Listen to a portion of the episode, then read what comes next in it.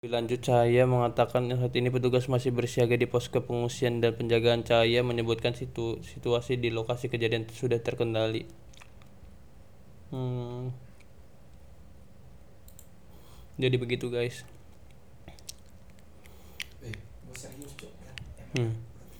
Ya, jadi api mas pulang. Astagfirullahaladzim. Serius. Ya. Kebakaran terjadi di kilang Pertamina RU 6 Balongan, Kabupaten Indramayu, Jawa Barat. Petugas masih berjibaku memadamkan api sejak dilaporkannya kejadian kebakaran pada Senin 29 Maret 2021 pukul 00.45 WIB sehingga saat ini masih terdapat kobaran api di lokasi kejadian.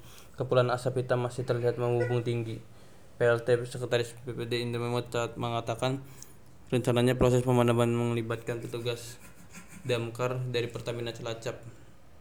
Nanti didatangkan bantuan dari Pertamina Cilacap mungkin sekitar tiga harian bisa padam kalau melintasi situasi.